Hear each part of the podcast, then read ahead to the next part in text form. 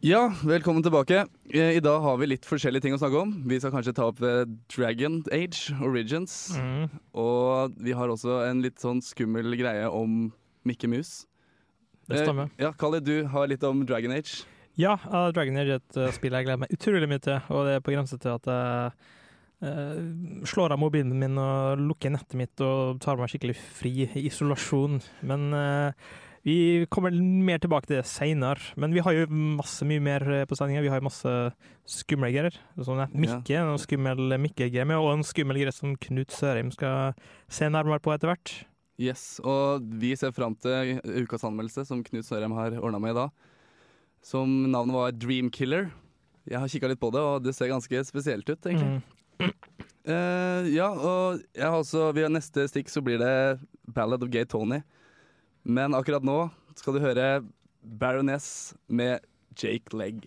Du hørte akkurat Big Boy med For Yo Sorrows. Det er en ganske G-sang, egentlig. Veldig sticky icky in that dicky, for å si det på den måten. Helt ærlig. Ja, nå skal vi snakke litt om uh, ukas utgivelser. Og da tar jeg egentlig først Ballad of Gay Tony. Mm. Og hva er det for folk som ikke vet det? Det er jo GTA. Det er en expansion, skal vi kalle det. Ja, en tilleggspakke til ja. Eh, Grand Theft Auto 4, for å være litt mer konkret.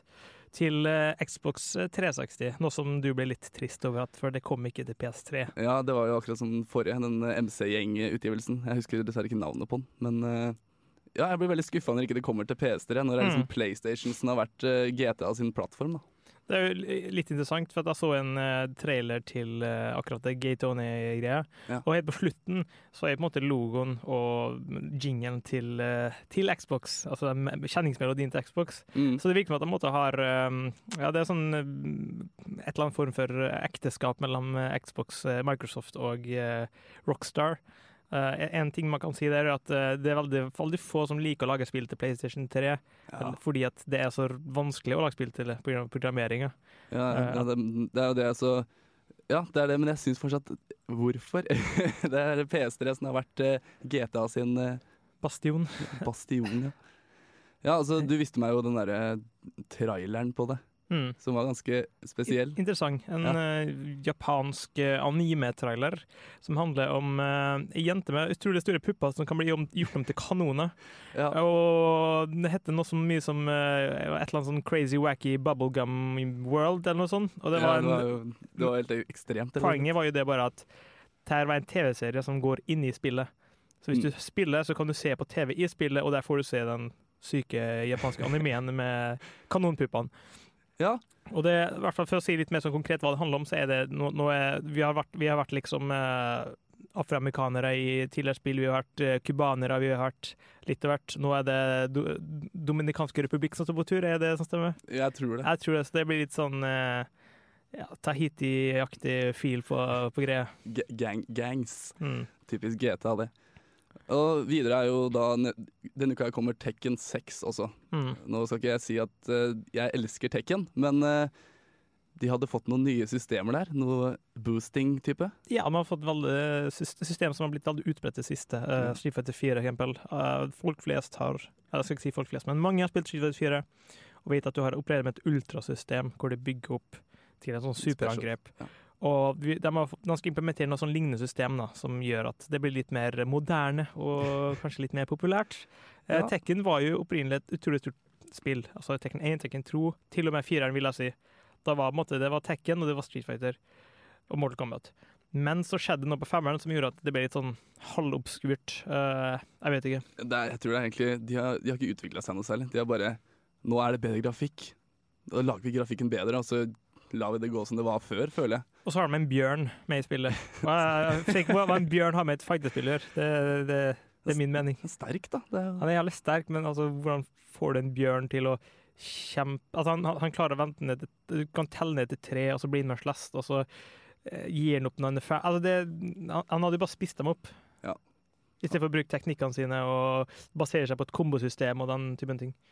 Ja, det er jo akkurat det. Men, Men eh, det, det, vi har sett på det. det ser gans, grafikken er fantastisk, det må jeg si. Uh, litt mer, jeg vil si litt mer uh, fluid eh, grafikk, uh, som, som har i Dead or Alive, som er en kjent serie fra til Xbox, Mm. som har litt mer sånn eh, flytende grafikk. Eh, Tekken før har hatt litt mer eh, tradisjonell grafikk, vil jeg si. Ja, det, er, det er derfor jeg likte Tekken før. da Jeg hadde Tekken 2, som jeg fortal, fortalte. Mm. Det likte jeg kjempegodt, men eh, det tok en vri etter det som jeg ikke eh, syns noe om. Mm. Men i hvert fall i uka her, på fredag mest sannsynlig, så, eller på torsdag, så er det Tekken i butikkene. Oh yeah. Løp og kjøp hvis du liker Tekken. Da kommer Tekken 6. Neste er jo DJ Hero, som vi faktisk har snakka om før. Som Litt sånn halvhumoristisk eh, snakka om. Altså, Ja. Hva er neste? liksom er det Triangel Hero. Eller klarinett hero, kanskje. Men, men nå har vi endelig fått sett hvordan det fungerer.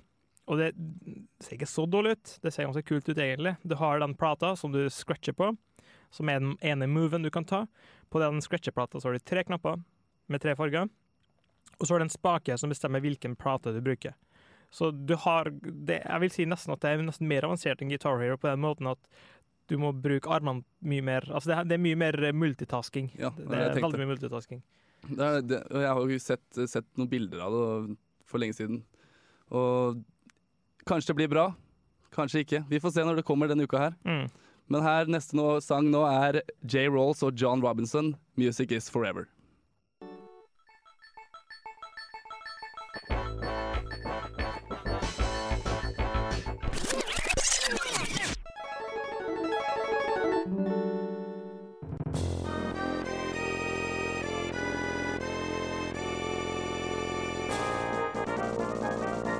De fleste av oss som vokste opp med Nintendo og Super Nintendo, forbinder Capcom med spill som Megaman og Street Fighter.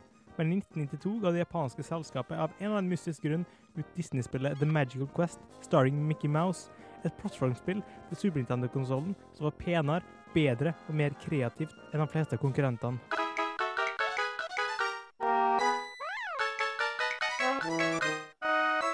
Den nokså vage historien begynner med en uskyldig runde baseball og et dårlig kast, som resulterer i at Pluto følger sine dyriske instinkter og jager etter ballen. Når tida går uten at Pluto vender tilbake, setter Mikke ut på en jakt for å finne den trofaste hunden sin, noe som helt logisk årsaker tar ham til et magisk land med monsterbier og enorme tomater.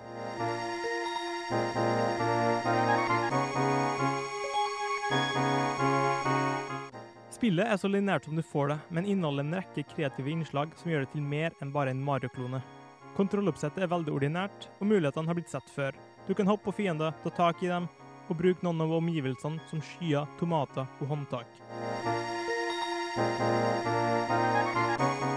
Men det som gjør spillet så fantastisk, er at du får tilgang til tre kostymer med ulike evner. En magikerdrakt som gjør deg i stand til å skyte magi, en brannmannsuniform som lar Mikke skyte vann, og en fjellklatredrakt som gir en en grappling hook à la det man finner i Bionic Commando og Zelda.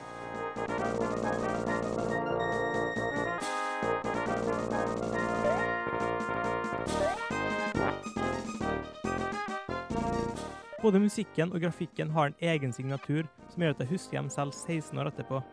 Men jeg husker også det morbide valget Capcom tok da de valgte å ikke gi oss muligheten til å lage vår progresjon. Noe som i praksis betydde at man måtte gå gjennom spillet i én og samme spillseanse. Det resulterte dessverre i at jeg aldri fikk se slutten, og aldri fikk ta knekken på Svartepetter, som er spillets siste boss.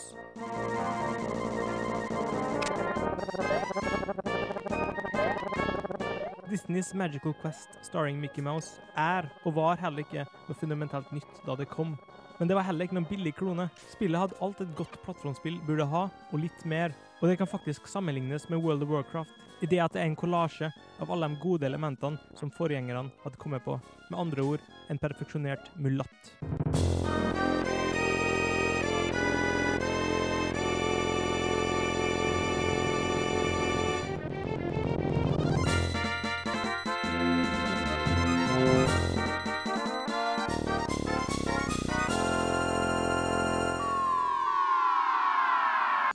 Ja, velkommen tilbake. Du hørte akkurat Kali Khalid Assams retro-anmeldelse om uh, Mikke Mus. Mhm.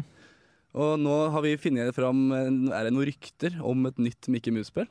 Veldig sære rykter. Det er ikke snakk om uh, Mickey og Plutos uh, superkoselige eventyr, men det er snakk om Epic Mickey. Uh, alt som har blitt gitt ut, er jo konseptbilder, og vi har uh, begge to sett dem. Yeah. Og ja, hvordan er de egentlig ser ut, uh, Truls? De så veldig sånn apokalypse ut. Eh, Det var mørkt og trist. Lite mm. Disney over den her, altså. Det så veldig Fallout 3 ut, eller altså yeah. Fallout ut, for å si det sånn. Og vi så at det lå ja, velta bygg med bilder av Mikke på Noen sånne Mikke-vanntårn Ja. som var litt sånn shady, og Og det var et bilde av en Svartepetter òg, så jeg antar at han har en ting her og har en finger med i spillet. sendt atombomber over verden. Men mest sannsynlig, altså det som er spekulasjonen, er at det er et spill til vi Ja. som skal komme. Og det vi mest, mest sannsynlig kan se for oss, er jo en slags hybrid mellom et plattforms Mario-aktig med et litt mer sånn eh, adventure-preg, med kanskje at du plukker og samler opp ting. eh, Hvor det faktisk handler om eh, en form for episk kamp mellom eh, Svartepetter og Mikke i en postapokalyptisk verden. Det høres eh, ja, surrealistisk ut, men samtidig veldig kult. Ja, ja, det er det også jeg syns. Men det så jo ikke så barnslig ut som de tidligere Mikke-spill, eller Disney-spill for den saks skyld. Det så jo mer ja, 18 pluss nesten. Nei, Ja, altså, jeg kan, jeg kan liksom se for meg at Mikke, sånn som i altså, la oss si Follow-spillet, ute på å gå på tur, så kommer liksom fem Raiders og voldtar. Altså, det, det ser sånn ut, men jeg tror egentlig at de at Det er til vi òg, så jeg ser for meg at de kanskje Ja, det er litt skummelt, litt buhu, men at det ikke er så skummelt og buhu at uh, at, ja, det er kanskje en uteligger som prøver å smitte med aids, men det er liksom Hva- så, så langt altså? som det går. Det er jo det, det er, De følger vel litt den der apokalypsebølga, kanskje. Sånn nymoten spill skal Mm. ha. Pluss at hvis du gir ut, sant? Du gir ut uh, Mario en, men Mario sier jeg, eh, hallo. Mickey's en Pluto Super koselig adventure, så er hvor mange har lyst til å kjøpe det foruten et par barn? Ja. Men hvis du gir, gir ut Epic Mickey, som er veldig Fallout-stil, så tror jeg til og med jeg vil ha det. Blir episk, rett og slett. Ja. Men eh, neste sangen vi skal høre nå, heter 'Built to Spill', med tittelen 'Pat'. Ja, da er vi tilbake igjen. Eh, det har jeg hørt at det er kommet et rykte om nytt Golden Eye-spill, eh, Khalid? Det stemmer. Og hvis jeg sier Golden Eye, så tenker folk på Tina Turner, kanskje. Ja, det, Kanskje de tenker på James Bond, eh, filmen som kom i 97 eller noe den duren. det gjør ikke jeg, ass. Eller kanskje de tenker på spillet til GameCube som eh, vi elsker så godt. Eller Nintendo 64. Var det ikke det? Jo, nå skal jeg faktisk hjem og skyte meg sjøl for Ja. at jeg sa akkurat det der, men ja, Nintendo 64. Pass deg nå. Tekniker nikker i studio over, i enighet over mitt valg. Men ja, Ja, ryktene er som sagt nytt Golden Eye til Wii. Men det er bare rykter, vi vet jo ikke helt ordentlig ennå. mm, Og for min del, jeg husker jeg spilte det samme med kamerater på en bitte liten skjerm, delt opp i fire, og det var helt ekstremt gøy. mm. Og sånn som vi snakka om i stad, det var jo Nå kunne vi aldri spille det på en liten skjerm. Vi, nå må vi ha stor skjerm og kose oss, men jeg ser veldig fram til Golden Eye på Wii. ass. Jeg husker nå sist eh, for eh, et par måneder siden, hvor jeg var hjemme til foreldrene mine og satt med min lillebror og spilte um, Gears of War. Det er to. Ja. Og så får- er vi på en 42-timers 42 skjerm, og så foreslår han skal vi spille split screen. hvor jeg ser på han sånn halvsarkastisk og sier altså hva tror han meg? Altså, jeg deler ikke en 42 med to personer. Altså, det er for smått. Altså, Gi meg 80-tommer, skal jeg vurdere å dele den i to. Og da satt vi med 21-tommere som vi delte i fire. Altså, det, Ja. Men vi satt jo en meter foran skjermen og drepte øynene våre. Det var jo det som var Men, det, det, er, men vi fortsatt, vi kunne sitte én meter nå, men det hadde ikke funka, føler jeg. Nei. Men det får håpe det blir sikkert noe sånn online-type mye rart. Eller hva? mm. Men uh, ja, altså, mest sannsynlig blir det en slags homage, altså det blir en slags uh, tilbakevisende versjon. Ja.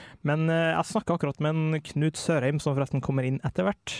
Og han hadde faktisk ikke spilt spillet. så når du hører på hans anmeldelse, så må du tenke på at han der har ikke spilt Golden Eye. Ergo sier det noe om, om hans kompetanse. Så det, det går til Knut. Det sitter en rekke godinger ute i sofaen her og hører på oss og snakker om Golden Eye, forhåpentligvis. Skal hilse til Ann-Kristin og til Jonas, som sitter og spiller poker med et kortstokk eh, à la krigskortstokken til USA, som har amerikanske fiender på kortene. Ja, det er det, er det jeg så tidligere òg. Men én ting jeg tror, jeg tror noen har spilt Golden Eye, og det er neste sang. Det er The Chemical Brothers med Hey Boy, Hey Girl. Å, det er så varmt.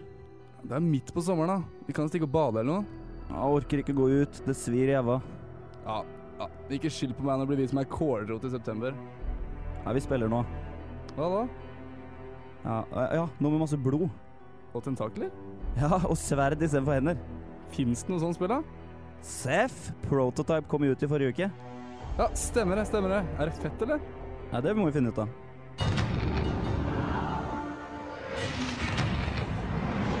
The city is changing, and I'm changing with it. Der. Ta den. Der. Ta den. Spis den. Skyt den. Eh, Nå datt jeg litt ut her. Eh, Hvorfor løper vi rundt på Manhattan og dreper soldater eh, og sivile og folk uten hue og sånn? Jeg tror vi har aids eller noe. Aids? Ja, eller et eller annet virus i hvert fall. Det er derfor vi kan fyke rundt med syvmilsstøvler og bare kaste biler på helikopteret. Så det blir egentlig litt som det totalt motsatte av aids, da. Et virus som gjør at du blir Spiderman og Hulken på en gang. Ja, en sånn. Eh, hvorfor driver vi og spiser opp de vi dreper? Eh, jeg tror vi får liv av det. Og så har spillprodusentene laga et helt eget system hvor du absorberer minnene fra de du fortærer. Så får du liksom rettferdiggjort all den unødvendige drepinga. Ja, ok. Men er vi liksom good guy? Jeg tror liksom det ultimate målet her er å redde Manhattan, men eh, hvem gir vel faen når du kan eh, surfe bortover gata på menneskekropper og spy tentakler? Sjekk, da, sjekk. da. Jeg bare preller opp tanksen så sinnssykt. Become Ja, ja, ja, ja, ok, ok. Absorbing every memory until I can remember who I am. Radio Revolt på FM 97,9.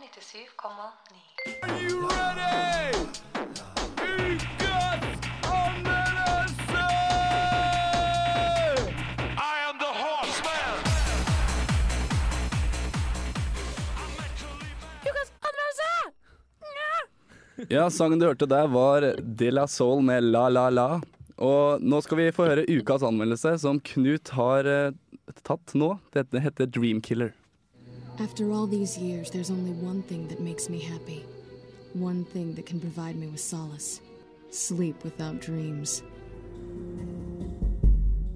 Louis Anderson er en arbeidsom mann.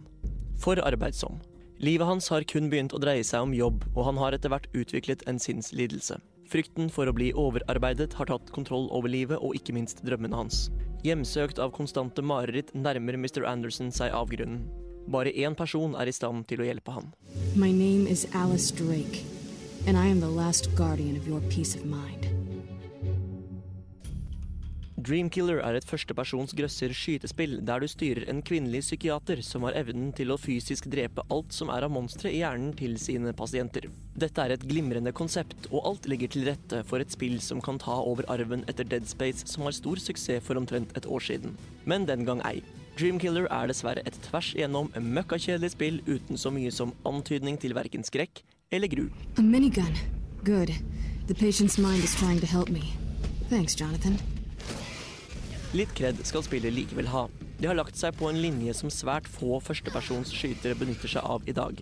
Normalt preges denne sjangeren av taktikk, der man må legge seg godt til rette og vente på et moderat antall fiender. I Dreamkiller er det massedrap som er oppskriften, og den har man unektelig fulgt til punkt og prikke. Men når man lager et spill i horrorsjangeren, forventes det at spiller skal kikke seg over skulderen et par ganger før han eller hun legger seg. Slik var det da jeg spilte Dead Space i fjor. Da våkna jeg av at min hybelkamerat henta julebrus i kjøleskapet om natta. På dette punktet feiler Dreamkiller brutalt. Den enorme flommen av fiender som skal drepes, gjør at spillet blir mekanisk, forutsigbart og mer stressende enn skummelt. Faktisk er spillet delt opp i seksjoner. Du dreper alle fiender i en seksjon og går over i neste. Buss nummer fem til Dragvoll er faktisk et spennende eventyr i sammenligning. Hmm. Killer and son? Looks like the relationship between my patient and his employer is a little complicated. Likevel kan jeg ikke slakte spillet fullstendig. Grafikk og lyd er for bra til det. Omgivelsene i spillet er faktisk riktig så pene, og danner grunnlaget for at stemningen i spillet kunne ha vært kjempebra. En pasient som har frykt for edderkopper, befinner seg naturlig nok i en mørk og dyster tilværelse med edderkoppnett hengende rundt omkring, mens en person med skrekk for kulde befinner seg på et sted som er prega av snø og is. Dessuten må jeg innrømme at noen av våpnene faktisk er ganske så tøffe. En av mine favoritter er et våpen som er en krysning av en god gammeldags shotgun og en iskanon. Først fryser du fienden, for deretter å blåse den i fillebiter. Poor Jonathan. Another broken mind that needs my special care. Time to get to work and see what we're dealing with around here. Hvis du har lyst til å spille et førstepersons skytespill med god stemning, høy underholdningsverdi og mange fiender, er det bare å ta fram Doom 1, 2 og 3 igjen. Etter ti minutters spilling av Dreamkiller skjønte jeg at dette kom til å bli en langtekkelig affære. Mareritt? Ja visst. Jeg måtte jo faktisk lide meg gjennom flere timer spilling for å lage denne fordømte anmeldelsen. I'm glad that's over. Goodbye, Mr. Big Spider, and wake up, Mr. Web. The cobwebs in your attic are gone. Ja, Knut. Det høres ut som egentlig navnet på spillet treffer veldig godt. Eh, ja, det gjør det, for det var jo store forventninger. Du hadde jo store drømmer rundt uh, dette spillet. Eh, og så ble det jo brutalt drept. Ja. Så der har du truffet bra. Poeng til deg, Truls. Takk, takk, takk. Ja. Jo, altså, jeg har lest litt om spillet, og det har jo aldri, jeg har ikke fått noe skryt av andre heller. Nei, det har jo ikke det. Det, jeg hører at du, du, du liker ikke det spillet her. Nei, jeg gjør ikke det i det hele tatt. Eh, og det er, eh, som jeg sier, det er så skuffende, for det var potensial, potensialet var kjempebra. Jeg husker vi satt hjemme i kollektivet, jeg og samboer, og gleda oss skikkelig til dette her. Og faen, Dreamkiller, ja, det er jo også inn i den der, gå inn i rekken av Painkiller og den serien der, som sikkert mange husker, som var veldig populære spill, og som var, veldig, som var bra spill. Uh, men eh, ja. Som sagt, konseptet er steinbra. Det at du har, Hvilke utrolige muligheter du har da, til å lage La folk gå inn i drømmene til folk og lage en sånn skikkelig, virkelig creepy stemning. Mm. Og så klarer du bare å fucke det til så fullstendig. Så jeg er eh, djupt såra og vonbråten, som en eh, god gammeldags eh, statsminister sa for en del år tilbake siden. Jo, Det er jo et spill som hadde veldig stor suksess med det å måtte gå inn i psyket til folk, og det er Psychonauts, som eh, noen kanskje har prøvd, som er et spill eh, Helt annen sjanger, men litt samme grunntanken. Så det, det, Dreamkiller virker veldig som en miks mellom eh, Painkiller og eh, Psychonauts. Ja, men altså, ikke ta for mye hensyn til historien. Altså, eh, disse, disse pasientene de, du, Du kan egentlig sammenligne hjernen til en pasient med et nytt brett i Doom, rett og slett. Mm. Det er bare de har, de har funnet på noe, og så har de forsøkt å lage noen fiender som skal være litt sånn relevant for Mariten, da, men edderkoppene dukker opp igjen hos han som er redd for maskiner, og det er liksom sånn eh, Nei, det blir feil. det er syltynn historie, altså. Men det bærer et preg av billig produksjon. Jeg vet ikke hvordan man Jeg vet ikke hva jeg skal svare på det, egentlig. Eh, Føler man at det er produsert i Russland, eller føles det som en god vestlig produksjon? Altså, Problemet er jo det at utseendemessig og lyd så er jo steinbra. Mm. Eh, så det blir helt eh, dette, dette blir den diskusjonen du hadde forrige gang da du anmeldte uh, Risen. Mm. Eh, for da sa vi satt, sa at men den grafikken kan jo ikke være en, billig billigproduksjon. Eh, og det, men altså, det er klart eh, Det er ikke noen stor spillopplevelse for meg, og det har ikke vært noen stor spillopplevelse for andre spillanmeldere heller. Eh, men du Kanskje noen liker det. Altså Problemet er det at for meg så detter det i en slags uheldig kombinasjon av å prøve å være et slags Doom eh, og et slags grøsserspill. Men Doom hadde bare en unik stemning. Det Mm. var noe eget ved Doom. Jeg klarer ikke å sette fingeren på det. Doom hadde X-faktoren. Og den X-faktoren mangler dessverre i Dreamkiller, og det gjør det til et temmelig middelmådig og grusomt kjedelig spill. Så hva blir, nei, hva blir karakteren din på den, dette spillet? her? Ja, eh, jeg holdt på nesten å sende det ned på nokså godt. Eh, men det blir litt feil, det òg. Eh, jeg- av lyd og grafikk så får det G minus, men hva du enn gjør, ikke finn på å spille dette spillet her. Vær så snill, ikke gjør det. Ja, Det høres i orden ut. for Det sånn. Er ikke noe mer enn å si om det. Vi håper neste sang er bedre enn spillet Knut har spilt. Her kommer Maskinen Fit Gasolina med 'Dansa med våpen'. The plan will work, Your Majesty. Of course it will. The blight ends here.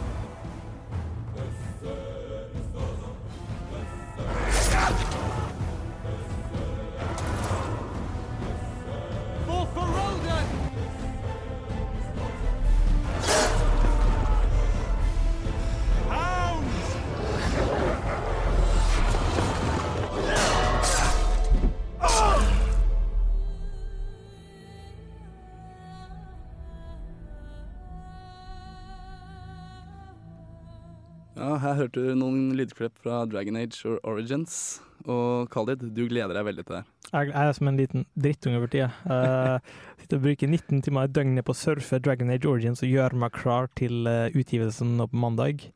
Uh, og jeg kan, ikke, jeg kan ikke si hvor lenge jeg har venta å spille her. Uh, eller jeg kan gjøre det, to år.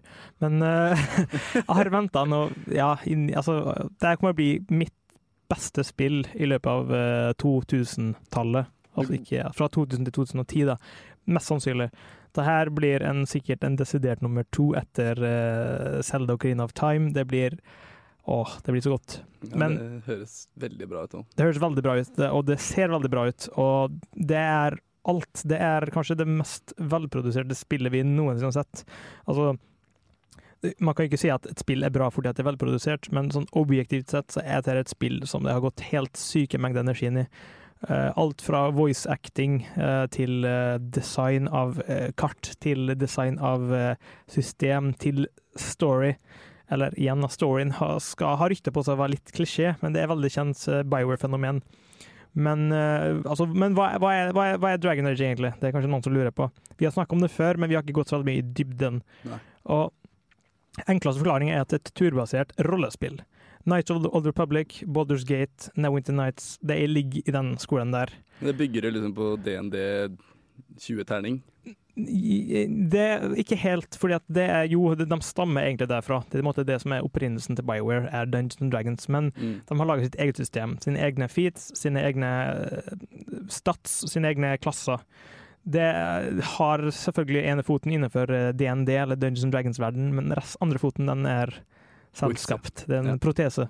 Um, men ja, altså spillet her er jeg, vet ikke, Det er så vanskelig å forklare det, for jeg er bare sånn Jeg er en liten fangirl som sitter og skriker og gleder meg til det kommer. Men det er fantastisk, og det kommer til Xbox 360 og PC.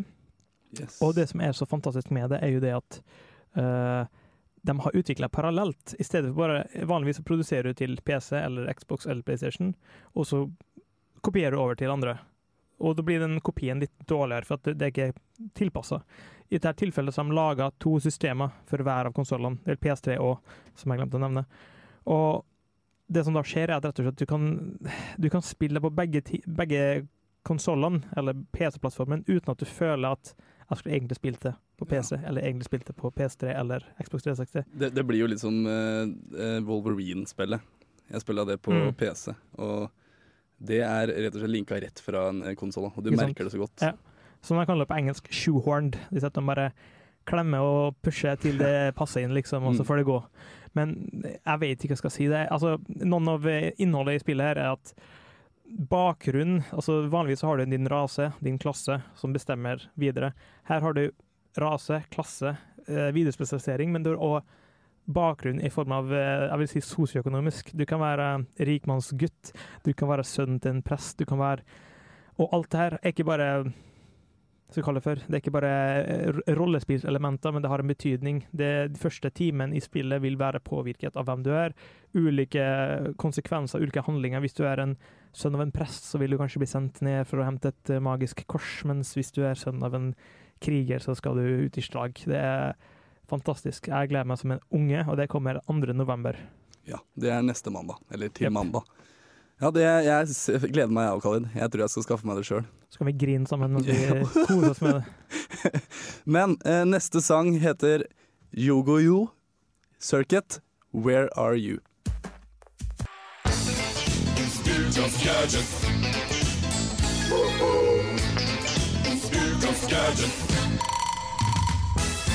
Ja, som du hører, så er ukas gadget her nok en gang. Og Knut, du har funnet en kos, kos gadget. Ja, det har jeg. Eh, jeg må innrømme at jeg, det var bare en jeg, rett jeg kom på, eh, som jeg så her for en stund siden. eh, som tenkte at denne skal jeg skaffe meg. Ja. Og det er rett og slett en stol. ja og hva, en stol med hva? Jo, nå skal du høre, skjønner du. Nå lurer du sikkert på hva slags stol det er. Det er rett og slett intet mindre enn en Tetris-stol. Skal vi se om vi kan få hjelp av tekniker til å få den opp på skjermen her nå. Ja, vi har den her nå. Vi har den foran oss her, ja. ja. Eh, som vi kan se her, så er dette en veldig fargerik og flott stol. Ja, absolutt. Eh, den er åpenbart satt sammen av det som er av mulige brikker i eh, Tetris.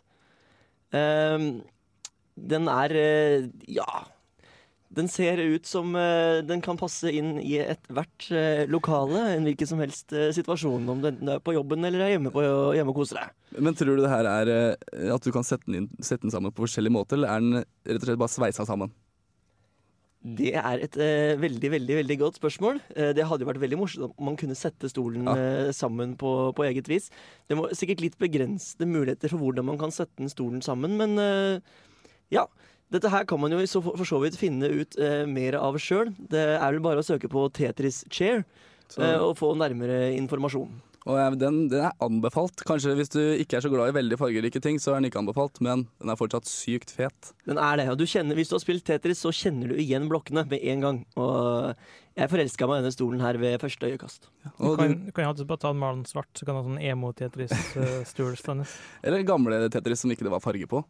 Ja, rett og slett. Ja. Hvis du bare hvis du, hvis du kan ha sånn Gameboy-Tetris. Mm. Da kan du ha den i variasjoner over temaet mørkegrønt, lysegrønt og gusjegrønt. Det, det høres veldig hva si, ekkelt ut, nesten. Ja, jeg kom ikke på flere grønne. Ja, det var turkis, da. Ja, det Nei, det er liksom blågrønt. Jeg vet ikke det. ja. Ja. ja. Jeg forsøker å finne variasjoner over temaet grønt, men eh, det var jo ikke turkis i Gameboyen jeg tenker meg om. Men eh, nå sitter jeg bare og raller her. Skal vi få på en låt? ja, neste låt heter Soldier, og det er Nerd som spiller den.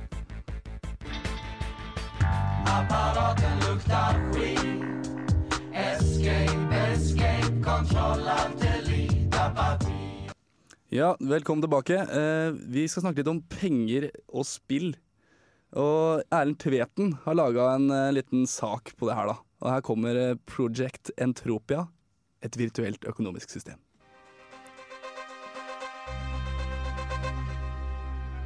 Good evening.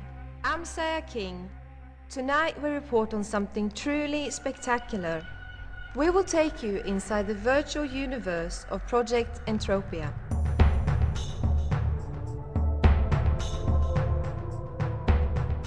Internett har åpna opp virtuelle økonomiske marked man ikke engang drømte om kunne eksistere for 20 år siden.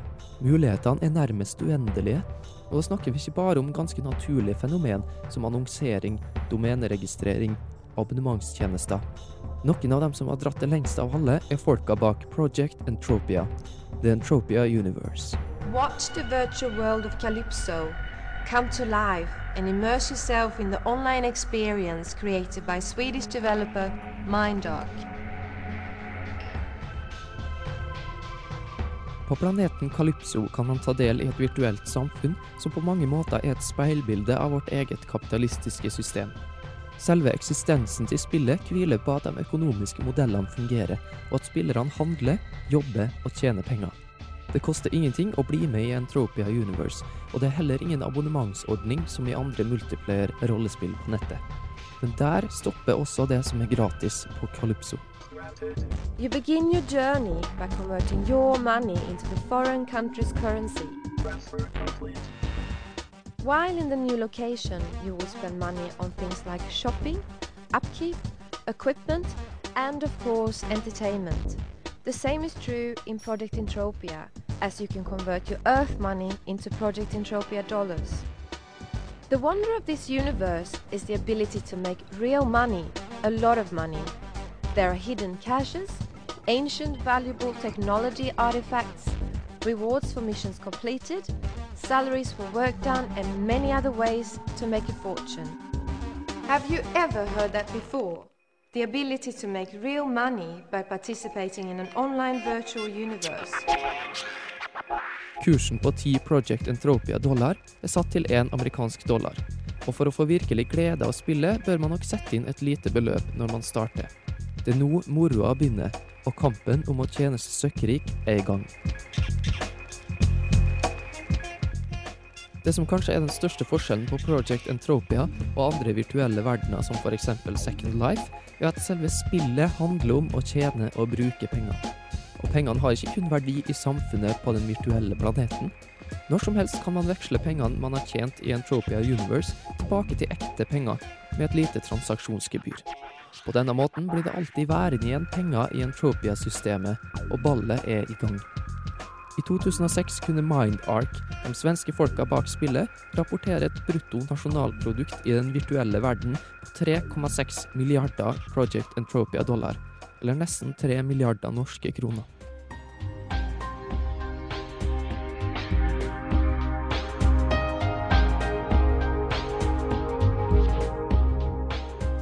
Internett er fortsatt i sin ungdom, og det er vanskelig å forutse hvilke utrolige økonomiske ideer vi vil kunne se i framtida. Men én ting er sikkert. Det fysiske er i ferd med å miste sin verdi, og det virtuelle, selve opplevelsen, blir viktigere og viktigere i et liv vi tilbringer mer og mer foran PC-skjermen. virtual universe. What does that mean exactly? Well, you're about to find out.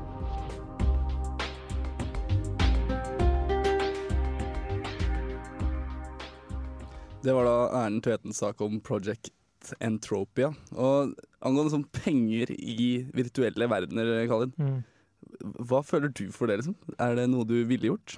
Uh, jeg har ikke gjort det. I min vennegjeng så er jeg kjent som uh, sant, the gallant knight som ikke lar meg bli på torpesta av demonene. Jeg er eneste av vennene mine som ikke har brukt eh, asiatiske tilbud, for å si det på den måten der. Ja, uh, vi snakker ikke om massasje um, og alt det innebærer, men uh, ja, det er et veldig vanskelig tema. Når du snakker, med det sånn, snakker om det på overflaten med en sånn tilfeldig person, og kjøper gull i et spill, er det helt idiotisk sprengt. Mm. Men hvis man setter seg ned og går litt dypere inn i og tenker ok, hvordan, hvordan kan man rasjonalisere det, hvordan kan man forsvare det, så er det en veldig vanskelig sak. For at, jeg vet mange vil jo si det at OK, skal jeg sitte og jobbe i spillet med en ting jeg ikke har lyst til å gjøre i spillet i åtte timer i ei uke? Ja, for da blir det plutselig en jobb istedenfor en Ja, eh, underholdning. For, liksom. altså, for det er visse biter av typiske online rollespill, som Project Entropia og som World of Warcraft, som ikke er morsom. Ikke alt er morsomt i spillet. Nei. Og da tenker de, skal jeg jobbe åtte timer i dagen i uke, eller skal jeg gi en uh, kineser en hundrelapp? Hva er, er det verdt det? det? Men det blir en form for rasjonalisering, og det blir, det blir veldig, veldig sånn eh, kapitalistisk tankegang med tanke på at du vil maksimere eh, potensialet til din fritid, som ikke forpester av dine relasjoner til arbeidsgiver. Strengt tatt så er jo dette her egentlig bare en eh, forlengelse av billig utenlandsk arbeidskraft. Mm. ja, det blir jo det. Det er jo sånn som da. Det er jo ganske ekstremt, det derre De sitter foran PC-en en hel gjeng kinesere. Som, som tjener penger for oss, da, som spiller WoW. Kanskje sånn, kjøper vi de pengene som de har jobba en uke for, for 100 kroner. Mm. Det er ganske ekstremt, selv om jeg faktisk skal innrømme jeg har gjort det. Men eh, det, altså, det, er, det med penger og spill det er jo, det er jo, blir jo sånn i WoW, i hvert fall, for der betaler du fra før også for å spille. Mm. Hva var, det ikke, var det ikke ei dame for en stund siden som tilbød sine seksuelle tjenester mot 50 000 uh, World of Warcraft-penger eller et eller annet? Det har jeg ikke hørt noe om, men Hvorfor, hvorfor får ikke jeg informasjon om sånt? fordi du har 50 000 gull på kontoen Jeg din. kan skaffe. Jeg kan skaffe. Oi, oi, oi. Hør utlendingen. Jeg kan skaffe kan, kan jeg at hun ikke var så veldig ja. uh, Uansett. Men, men altså, for å på en måte si på en måte det, det argumentet for som, som jeg konstant må kjempe mot, er måten her. da. La oss si du elsker å skrive semesteroppgaver. Mm. Det, det er noen som gjør det. Noen liker å jobbe akademisk, sette seg ned med bøker og skrive osv. Altså, de liker selvfølgelig ikke prosessen, de liker resultatet og det der. Men hva, hvis det kommer en fyr og sa du skriver alt mulig, men gi meg en tier, så skal jeg ordne alt som heter referanse, alt som heter struktur, alt som heter eh, innholdsfortegnelse, for ti kroner. Logistikken. Ja, det, det virker utrolig billig. For det, det, det er skittarbeid. Det å skrive én ting, men det å på en måte systematisere det og organisere det og skrive samme linjeavstand og sånn, det er noe shit. Ja. Og det er på en måte de typen arbeidsoppgavene som, som de tilbyr, da. Ja, For en billig penge. Og da blir rasjonaliseringa at ja, det er verdt det, fordi at da kan jeg bruke fritida mi på det som er morsomt ved spillet. Kan jeg nå få til å skyte inn en knøttliten ting her, da? Fordi at eh, jeg ser det rasjonelle i dette her. Men eh, hva syns dere da om det som er en trend i mitt hjertebarn, nemlig Diablo 2? Eh, hvor eh, man rett og slett selger items og runer Over Mm. nett. på, ja. Mm. Akkurat den Så samme. folk betaler. Det blir jo på en måte det Akkurat blir det jo akkurat det samme. Det blir det samme, men er ikke noe av det som gjør at Diablo lever, er egentlig itemjaget? Jo, men altså, samme her. Jeg sier til vennene mine, hvorfor kjøper jeg ikke gull? Fordi at når jeg sparer opp nok gull til å eksempel kjøpe meg en ting, så får jeg en gledesfølelse og at jeg klarte det. Det tenker jeg også. Jeg brukte to uker på det, men jeg fikk det til. Ja. Og derfor kjøper jeg Det er mitt argument, men poenget mitt er at altså, eh, det er ikke det at jeg er for eh, gullkjøp. Jeg ville vil bannlyst det hvis jeg var verdensdiktator. Men World of Warcraft er vel, st World of Warcraft er vel strengt tatt om noe annet enn kjøp av gull, egentlig? Ja, ja. Gu- Gullet Ja. er hovedsakelig for å kjøpe ting som ikke direkte øh, fremmer din pro progresjon, men som er litt sånn luksuslivsstil innad i spillet. Diablo lever på itemene sine. Ja. Det er jo et spill du spiller om og om og om, og om, og om igjen fordi at du vil ha tak i itemsa. Mm. Så det du, jeg, jeg, vil si at, jeg vil si at du gjør deg sjøl en bjørnetjeneste hvis du kjøper deg det nyeste itema i Diablo 2, for da har du Du har ikke noe mer å gå for, egentlig. Ja, altså, du, du, kan ødelagt, selvfølgelig- du kan begynne å kjøre på med å ta Uber Diablo, Uber Bale og hele den pakka der, men til syvende og sist så vil du spille Diablo på nytt og på nytt og på nytt og på nytt, og på nytt fordi at du vil ha bedre utstyr. Mm. Det er det som holder det gående. Men et, et siste innslag her, det er at La oss si Diablo 2. La oss si du har spilt i fem år. Du har grinda og grinda og grinda. Du har alle delene, alt du vil ha. Drømmesettet ditt, men du mangler én ting. Og du spiller måned etter måned etter måned, og du får aldri den biten. Da vil noen si at det, greit, det er rasjonelt for å, for å nå en slags konklusjon, hvor du måtte ha maksimert din karakter, og la oss si punge ut 200 kroner, og få det ferdig. Men, men eh, da har du jo muligheten til fortsatt at du kan uh, trade med folk, da. Uh, og det ser jeg på som helt rimelig, egentlig. In game trading. Ja, ja. Uh, hvor det rett og slett Jeg har en rustning, du har en hjelm, la oss bytte. Ja. Det er sant. Det er så klart. Men ja, penger og spill. Skal vi gå videre, eller er dere fornøyd, gutter? Vi er fornøyd. Vi Ja. er imot.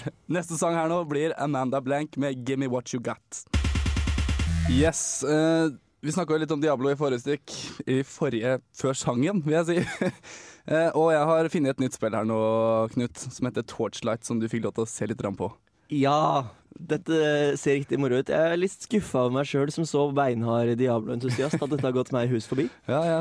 Eh, men eh, bedre sent enn aldri er det jo noe som heter. Ja, og jeg, jeg fant jo det her til morgenen, og det, jeg bare jøss, er det her en kopi? Nei. Nei.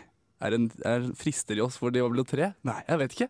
Men det, det er Nei, hva er det for noe, egentlig? Ja, det er en, eh, altså det er et frittstående, ifølge de som har laget det, da, er det frittstående. Men eh, du ser jo musikken, utseendet, hvordan du spiller det på, er jo Diablo. Ja. Jeg, som sagt, jeg har ikke fått spilt dette ennå, men jeg så litt på deg i stad, kjære Truls. Yes. Eh, og uh, det var Det var, det var, veld, det var, det var et par skikkelige Diablo-likhetstrekk der. Musikken spesielt. Musikken, det var, ja, ja, da du var i byen. Det var, så det var en blåkopi av Rogan Campment.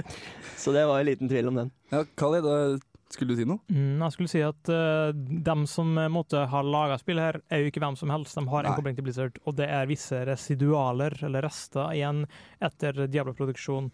Uh, Blizzard har jo blitt omforma etter hvert, og det har skjedd ting, og folk har blitt sparka, folk har laga nye selskap. Og det er veldig mange av dem som var involvert i produksjonen av Diablo 1, som faktisk har laga Ja, det var, det jeg leste om også. Det Mm. var jo f.eks. han som har laga musikken til Diablo 2. Eller Diablo generelt, tror jeg. Mm. Det er han som har laga musikken her, så han har vel nesten kopiert det han hadde av musikk. Så det, det, altså jeg så et videoklipp av det i går, mm. øh, og det så veldig Diablo på ecstasy ut. Altså, Ja.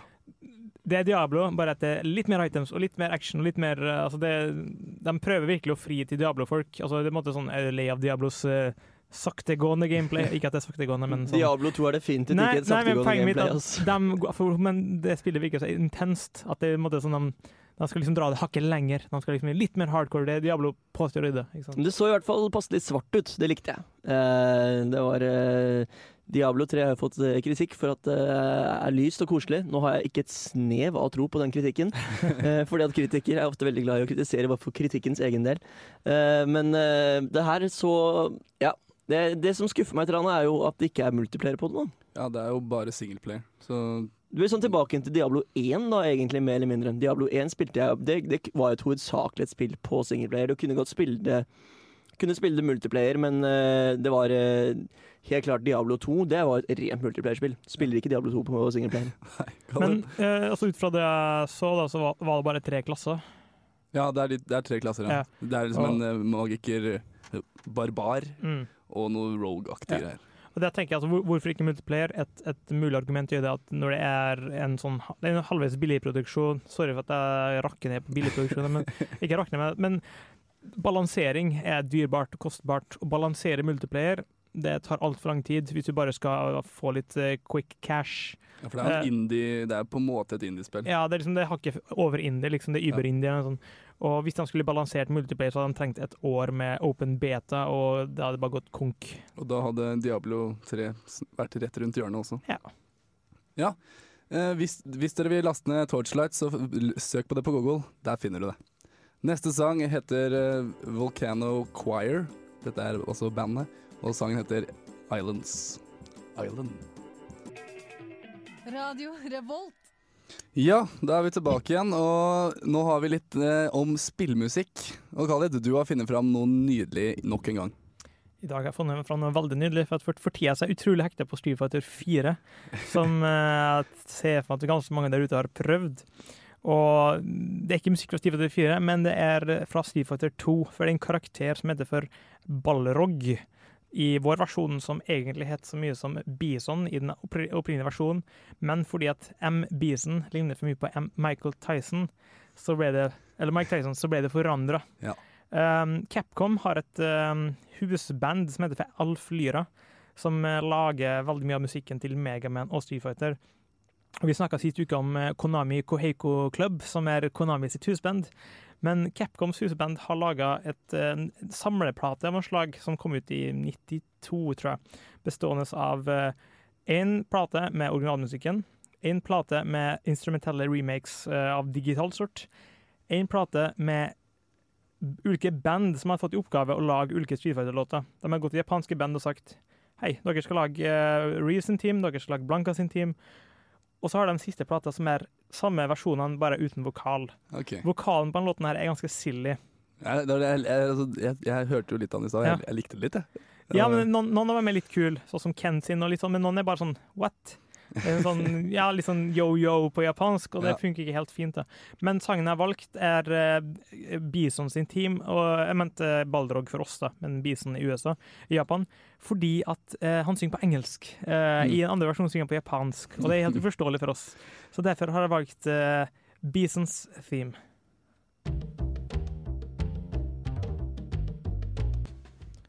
Ja, det var litt eh, morsom opplevelse av Street Fighter 2, Bisons eh, The- Dream, eller Balrog. Og eh, det var han eh, Hva heter han igjen? Eh, Artisten. Han. High Tide Harris. High Tide Harris. Skikkelig navn, og en skikkelig fet sang. Eh, Men nå har Are laga en sak til oss, som, eller en anmeldelse. Anno 1404 her. Som spillanmelder så blir noen ganger det å anmelde et spill som en jobb nummer to. Noen ganger liker jeg jobben min veldig godt, mens andre ganger vil jeg heller kaste meg ut av vinduet til soundtrack av Shadow of the Colossus i ren gråt.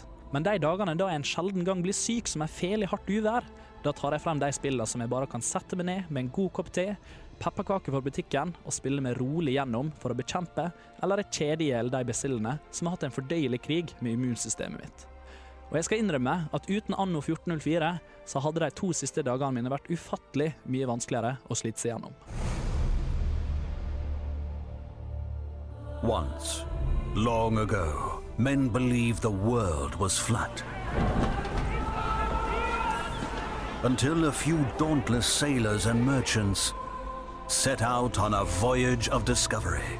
Anno 1404 er det fjerde betydelige spillet i Anno-serien fra Ubisoft. Og igjen så tar de et nytt steg som både er fornøyelig og nødvendig i serien. Anno-spillene er basert på kolonisering, og tidsepoken som står bak Anno-spillet representerer da selvsagt tidsperioden hvor settingen er hentet fra. Nå kjenner jeg særdeles lite til hvordan det var i 1404, men da dette her sikkert var en periode hvor man koloniserte mye og skapte nye verdener, så skal jeg ikke legge meg så altfor mye i det.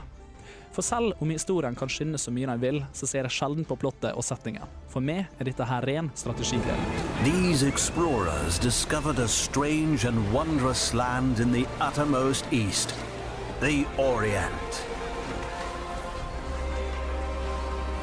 This highly civilized land now provides you endless opportunities. Anno 1404 tar strategi på alvor, og vet hva kjøperen av spillet vil ha. Det å rolig og systematisk å starte opp et imperium på sine utvalgte øyer, og skape en stormakt med god levestandard og høy produksjon av goder. Og nettopp dette her fokuserer Anno 1404 seg på. Man starter i det små med en båt. Om du finner en øy som er ressursen du trenger, så bygger man hus og samler inn det mest basiske av ressurser som man trenger. Dette her er jo selvsagt tre, fisk og vin. Etter hvert som man får dette i havn, så kreves altså befolkningen mer for å være fornøyde. Og da må man skaffe seg stein, jern, kull og hamp og lignende. Ut av disse ressursene så lager man verktøy, klær og tau. I gjengjeld, om man gir befolkningen det de vil ha, så vil de bli rikere og bygge seg bedre hus, og da selvsagt gi mer skatt til det. Og slik fortsetter det i et evig mas. Man kan selvsagt ikke holde seg til bare én øy, da man aldri vil ha alle ressursene man trenger der. Og Derfor må man kolonisere naboøyene. Kartet er også delt opp i to forskjellige typer øyer. En for den europeiske delen, og en for de sydlige øyene, ofte assosiert med araberne, eller nomadene som de blir kalt her. Disse vil da ha andre ressurser tilgjengelig som gjerne befolkningen på de europeiske øyene vil ha, som krydder og silke. Og slik fortsetter det til du har ekspandert det til det ytterste. Discover unclaimed lands of your own and leave your mark on the Orient. Gameplayet er bygd opp for at du skal ha en følelse av å hele tiden utvikle seg, og samtidig måtte sjonglere alle ressursene og handelsskipene sine. For alle vil ha alt fra alle andre, og om man har noe ekstra, så selger man det for en god penge i hovedhavnen. Man bør spille seg gjennom campaign-moduset før man begynner på sandkassemodus, da man lærer alt man trenger i campaign-modus. Men selv etter å ha runda campaign-moduset, så er det mange timer med moro videre. Til de som er kjent med sjangeren, samtidig som at det er en interessevekker for de uerfarne. Og om du er syk og hoster deg gjennom flere kopper med te, så er anno 1404 ikke annet enn en kjedsommelig livsredder.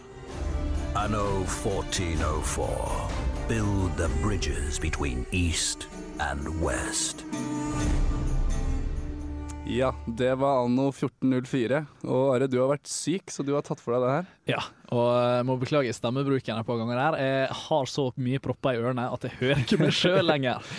Ja, det høres eh, Men jeg likte anmeldelsen, jeg. Ja, takk, takk. Eh, Det var jo et herlig spill å spille, og eh, når jeg merka det at det var ikke på tale at jeg kom med på jobb på mandag, så tenkte jeg ja ja, da får vi ta jobb nummer to og uh, sette oss ned med et uh, spill. Og uh, for å være ærlig så orker ikke skytespill. Jeg orker ikke å drepe folk og styre og stelle når jeg sitter og hoster, og accuracyen min er på helvete-nivå. Så da er det helt, bedre å roe seg helt ned med te og pepperkaker og det man får ned i Slappe av, rett og slett. Ja, og det er virkelig anno 1404 designa for. Ja, Det virker som du likte det òg.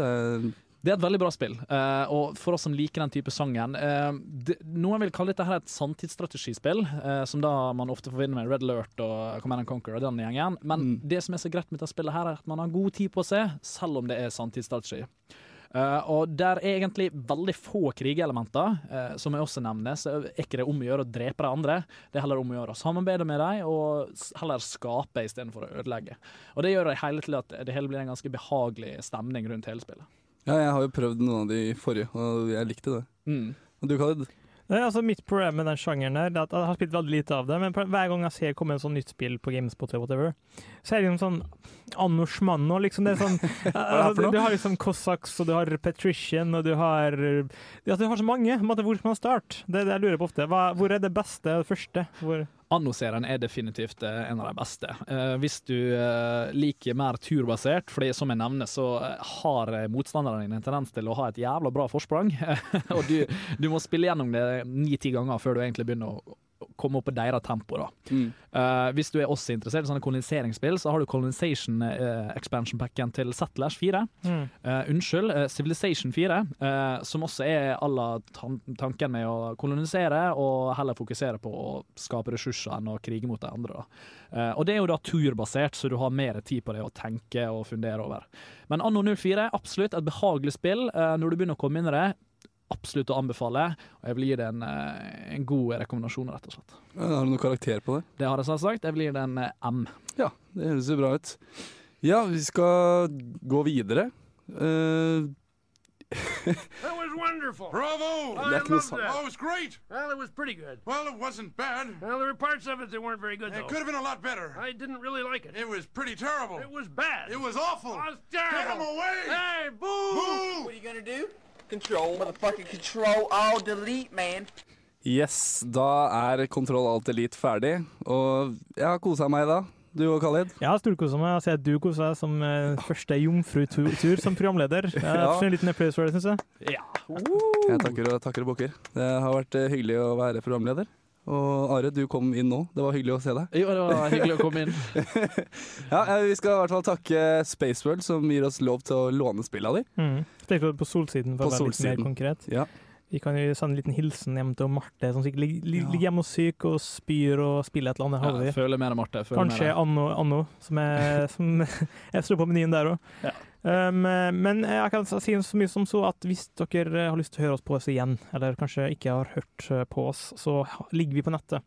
Hvis dere går på radiorevolt.no, klikker dere inn på programmer, Kontroll en link helt nederst på den sida.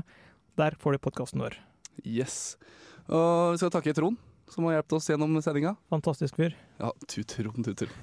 Takk en Magnus òg, som var eh, tekniker Ja. tidligere. Vi har veldig sånn stafetteknikk eh, gående her. Det er en sånn Du må se det for å forstå det. Det er litt av et fenomen. Vi er et ganske krevende program, da, så eh, det at eh, vi brenner ut et par-tre teknikere i løpet av en sending, det er ikke uvanlig. Han, han fra sist uke skøyt seg sjøl sist, sist på torsdag, så det er liksom det Nei, jeg skal gå og legge meg ut på nettet nå, så Ja, det er i orden.